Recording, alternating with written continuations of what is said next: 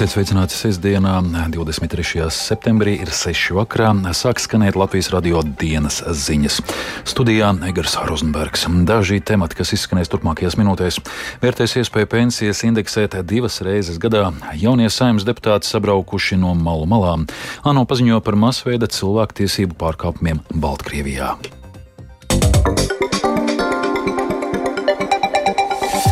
Labklājības ministrija varētu pārskatīt valsts nodrošināto pensiju indeksācijas kārtību, ar laiku to paredzot veikt biežāk. Šogad gaidāmā pensiju indeksācija nespēs kompensēt pēdējā gada laikā piedzīvoto pārtikas un komunālo maksājumu kāpumu, par to brīdinājusi Latvijas pensionāru federācija.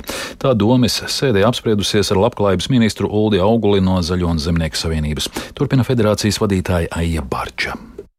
Iespējams, ka ļoti uzmanīgi jāizskata indeksācijas noteikumi, jo iepriekšējie ministri ar mums runājot teica, ka noteikti vajadzētu ņemt vērā arī indeksējot pensijas tur mūsu lielos un garos darba stāžus. Labklājības ministrijā ļoti nopietni pārdomās par iespējamu indeksāciju divas reizes gadā bet tas varētu būt tikai nākošais gads, ne šogad. Saimā šonadēļ atgriezās vairāk iepriekšējās valdības ministri. Savukārt vairākiem deputātiem kļūstot par ministriem, pilnvaras uz laiku apstiprinātas deviņiem deputātiem. Kas viņi ir un ar kādiem mērķiem startēs saimnes darbā, vairāk Jāņa Kīņša sagatavotajā ierakstā. Šajā nedēļā deputāta pilnvaras uz laiku apstiprinātas trīs jaunās vienotības deputātiem. Viktorija Baire uz laiku iegūto mandātu zaudēja tieši vienu dienu, kad parlamentā atgriezās bijušais klimata un enerģētikas ministrs Raimons Čudars. Bet Baire mandātu atguva, jo ceturtdien veselības ministra amatā stājās Hosam Sabumerī. Saima atgriezies arī līdzinājais Ventspils domas opozīcijas deputāts Girts Valds Kristovskis. Alīna Gendela no Latgales partijas par deputāti kļuvusi iekšlietu ministra Riharda Kozlovska vietā. Gendēls stāsta, ka nodrošinās Kozlovska sākto darbu pēctecību saimā, uzmanību pievērsīs jautājumiem par austrumu robežas izbūvi, cer veicināt uzņēmē darbības vidi ar uzlabojumiem Latgales speciālās ekonomiskās zonas regulējumā. Es pirmām kārtām gribu uzturēt dzīvu dialogu ar Latgales cilvēkiem lai regulāri tiktos, lai es redzētu viņu emocijas, lai arī es varētu no viņiem smelties informāciju vēl vairāk. Tagad jau kā oficiāla persona, kur ir saimnes deputāte, no šī rakursā es viņus uzrunāšu cilvēkus. Tas noteikti priekš manis ir svarīgi. Zaļo zemnieku savienības frakcijā no šīs nedēļas darbojas vairāk līdzinēja novada domju deputāti. Dīdzis Zemmers no Limbeža novada domas, Ligita Ginter no Tukuma novada domas un Valdis Maslovskis no Lūdzas novada domas. Tāpat par deputātu pirmo reizi kļuvis arī Ventspils slimnīcas ķirurģijas nodaļas vadītājs Girts Štekerhofs. Man dzīve ir saistīta ar medicīnu, tur es domāju, ka es orientējos tajos labāk. Un otrs man interesē sports, jo es esmu basketbola kluba Vēncpils prezidents. Profesionālā sporta attīstība un uh, sakārtošana. Tā varētu būt tās tēmas, kuras, protams, arī tautsēmniecība. Štekerhofs atzīst, ka kļūstot par deputātu medicīnā darbosies mazāk, taču basketbola kluba prezidenta pilnvaras saglabāšot. Tās viņš savulaik pārņēma no Aivara Lemberga viņam noteikto sankciju dēļ. Vadītājs es nebūšu, es jau esmu atteicies no tā, es reducēšu savu darbu medicīnā, jā, un, un, un tur cik varēšu, tik piedalīšos, bet prioritāte būs darbs saimā. Progresīvo frakcijā darbu sākuši nu jau bijusī Rīgas domas deputāte Mairita Lūsa un kādreizējais Smiltens novada domas deputāts Ervins Labanovskis. Viņš cer aizstāvēt uzņēmēju intereses savā un citos novados. Viens no maniem prioritāriem būtu mājokļu politika. Jo, ja mēs runājam par to, ka mums ir ekonomiskā stagnācija un par to, ka vajag darīt vairāk, tad it sevišķi uh, vidzemes centrālajai daļai mājokļu trūkums ir tas, kas ļoti bremzē ekonomikas attīstību. Un, protams, es pats arī nāku no mazo uzņēmēju vidas. Es zinu, esmu gājis visam cauri, visiem šiem procesiem, un zinu, kādas, kādas ir problēmas. Droši vien es būšu arī šo cilvēku balss šeit. Pēc tagadējās valdošās koalīcijas apstiprināšanas un izmaiņām deputātu lokā daudz pārmaiņu ir arī saimnes komisijās. Jānis Kincis, Latvijas Radio. Ženēvā ANO cilvēktiesību padomes 54. sesijā prezentēts jaunākais ziņojums par cilvēktiesību pārkāpumiem Baltkrievijā. Ziņojumā apkopot informāciju par Baltkrievijas režīma sistemātisko spiedienu uz pilsonisko sabiedrību, nelikumīgo cilvēku apcietināšanu, spīdzināšanu un nāvis gadījumiem cietumos. Baltkrievijas opozīcijas delegācija tikmēr šonedēļ ieradās Ņujorkā, kur ģenerālās asamblejas kulāros tikās ar valstu līderiem, politiķiem un starptautiskās sabiedrības pārstāvjiem. Vairāk stāsta Rustams Šukuro. Klaus. ANO augstā komisāra vietniece cilvēktiesību jautājumos Nada Alnašifa iepazīstinot sesijas dalībniekus ar ziņojumu, norādīja uz vardarbības un represiju kampaņu, ko Baltkrievijas autoritārā līdera Aleksandra Lukašenko režīms izvērsis pret opozīcijas aktīvistiem, žurnālistiem, kultūras jomas darbiniekiem un citiem cilvēkiem, kas uzdrošinās kritizēt valstī pastāvošo varu. Saskaņā ar Našifas ziņoto, kopš 2020. gada Baltkrievijā vairāk nekā 3750 cilvēku notiesāti tiesas procesos, kuros lielā mērā tika ignorētas juridiskās procedūras un tiesības uz taisnīgu tiesu. Tāpat ANO augstā komisāra cilvēktiesību jautājumos birojas kritizējis nesen ieviestās izmaiņas Baltkrievijas likumdošanā, kas ļāva valsts iestādēm atņemt Baltkrievijas republikas pilsonību par ekstrēmismu notiesātajiem Baltkrieviem, kā arī tām personām, personām, kuras apmetušās uz dzīvi ārpus Baltkrievijas.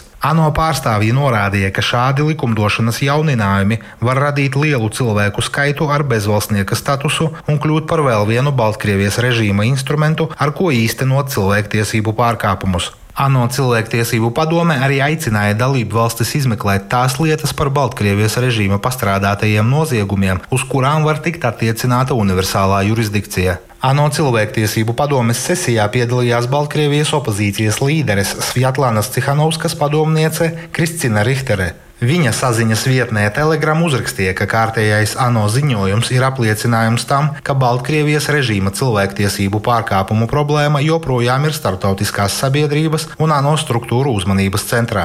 Tikmēr pati Baltkrievijas opozīcijas līdere šonadēļ ieradās Ņujorkā, kur, kā viņa pavēstīja intervijā raidorganizācijai Amerikas balss, arī rūpējās par to, lai Baltkrievijas jautājums nepazūd no starptautiskās sabiedrības politiskās dienas kārtības.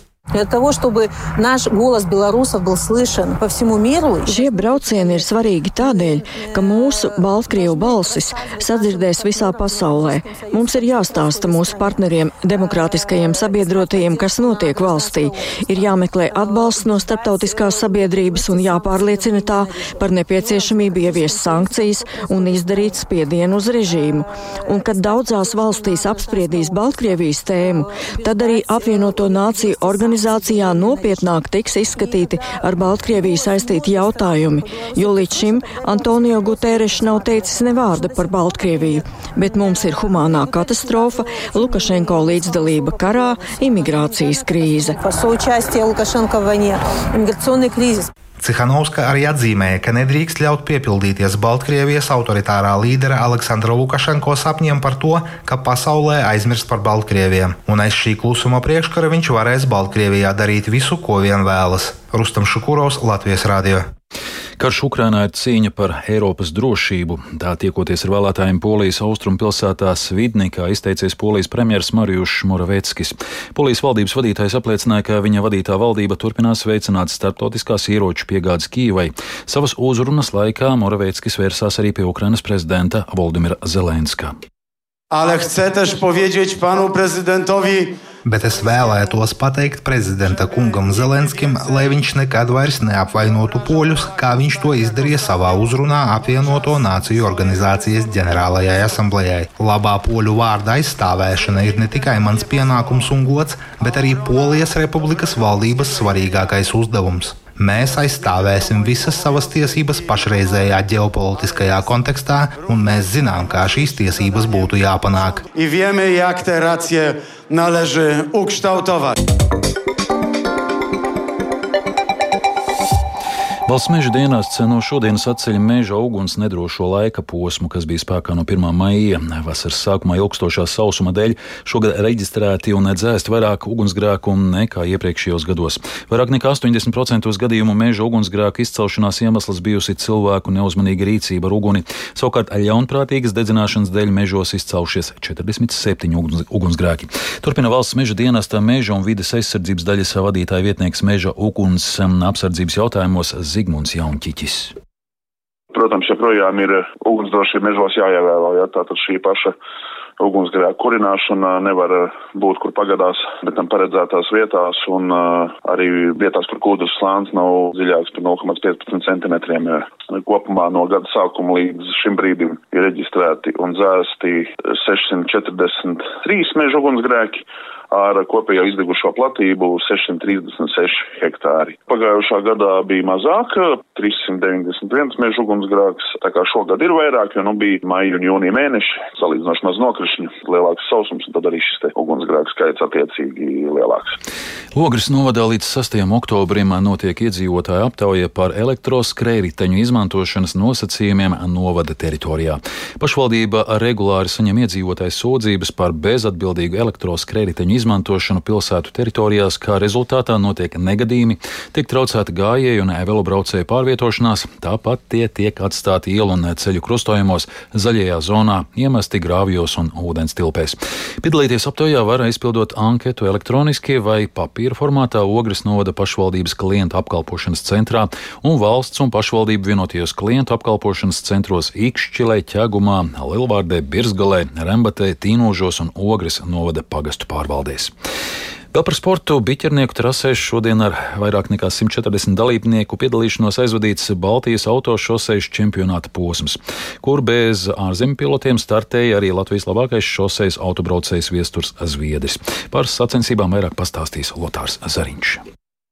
Šodien biķernieku trasē aizvadīts piektais un noslēdzošais 2023. gada Baltijas autošoseis čempionāta posms. Pirmo reizi savā starpā neitrālā teritorijā tikās Somijas un Zviedrijas braucēji, kuri tiek uzskatīti par labākajiem līdženas kāra pilotiem pasaulē. Ierindā bija ātrākie abu valstu piloti, kā arī pašmāja cerība Valters Zviedris, kurš šo sezonu kļuva par Porsche Sprint Challenge čempionu Ziemeļeiropā. Vakar bija kvalifikācija, un pirms tā vēl ceturtdien bija visu dienu treniņi. Tā kā šogad ar šo mašīnu nebija braucis visu sezonu, aizvadīju ar Porsche GT3 kapu mašīnu Ziemeļ-Eiropas čempionātā, Sprint Challenge. Tā kā nebija iespēja ar šo mašīnu braukt, bet redzējām, ka daudz somu zviedri pieteikušies no saviem čempionātiem, čempioni arī.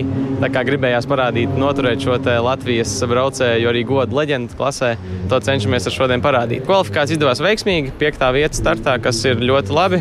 Bet jā, šodien uznāca lietus. Par to nebijām trenējušies šo mašīnu. Kā teicu, divus gadus jau neesmu braucis ar leģendu mašīnu, ne pa sausu, ne pa slapju. Tā kā mazliet visu laiku, katru reizi izbraucot trasē, mazliet atkal jāatgūst tās prasmes, jo braukšana, nu, kā saprotat, ar Porsche ļoti atšķirās. Rīts sacensības biķernieku trasē turpināsies ar divu un četru stundu izturības braucieniem.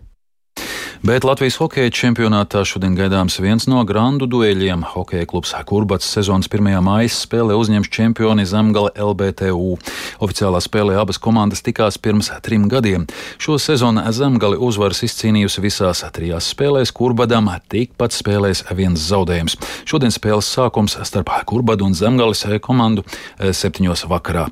Un vēl Vācijas galvaspilsētas mērs aicinājis vides aizstāvju organizāciju pēdējā paudze netraucēt ar protestu protesta akcijām rīt paredzēto Berlīnes maratonu. Berlīnes maratonu uzskata par vienu no svarīgākajām pasaules sacensībām garo distanču skrējienā. Starp šī gada dalībniekiem ir arī Kenijas slavenais maratonists Eliūts Kipčoge, kurš pagājušajā gadā Berlīnē uzstādīja jaunu pasaules rekordu maratonā. Šogad maratonam reģistrējies vēl nebijis dalībnieku skaits, proti 48 tūkstoši. Izskan Latvijas radio dienas ziņas producenta Vija Bremse, ierakstus montēja Uldis Grīnbergs, par labskaņu rūpējās Katrīna Bramberga, studijā Egers Rozenbergs. Vēlreiz īsumā par svarīgāko. Vērtēs iespēju pensijas indeksēt divas reizes gadā. Jaunie saimnes deputāti sabraukuši no malu malām. ANO paziņo par masveida cilvēktiesību pārkāpumiem Baltkrievijā. Vēl tikai par laikapstākļiem. Yeah. Pat labi galvaspilsētas centrā 16 grādi lēns ziemeļrietumu vējš, atmosfēras spiediens 761 mm, relatīvais gaisa mitrums 98%.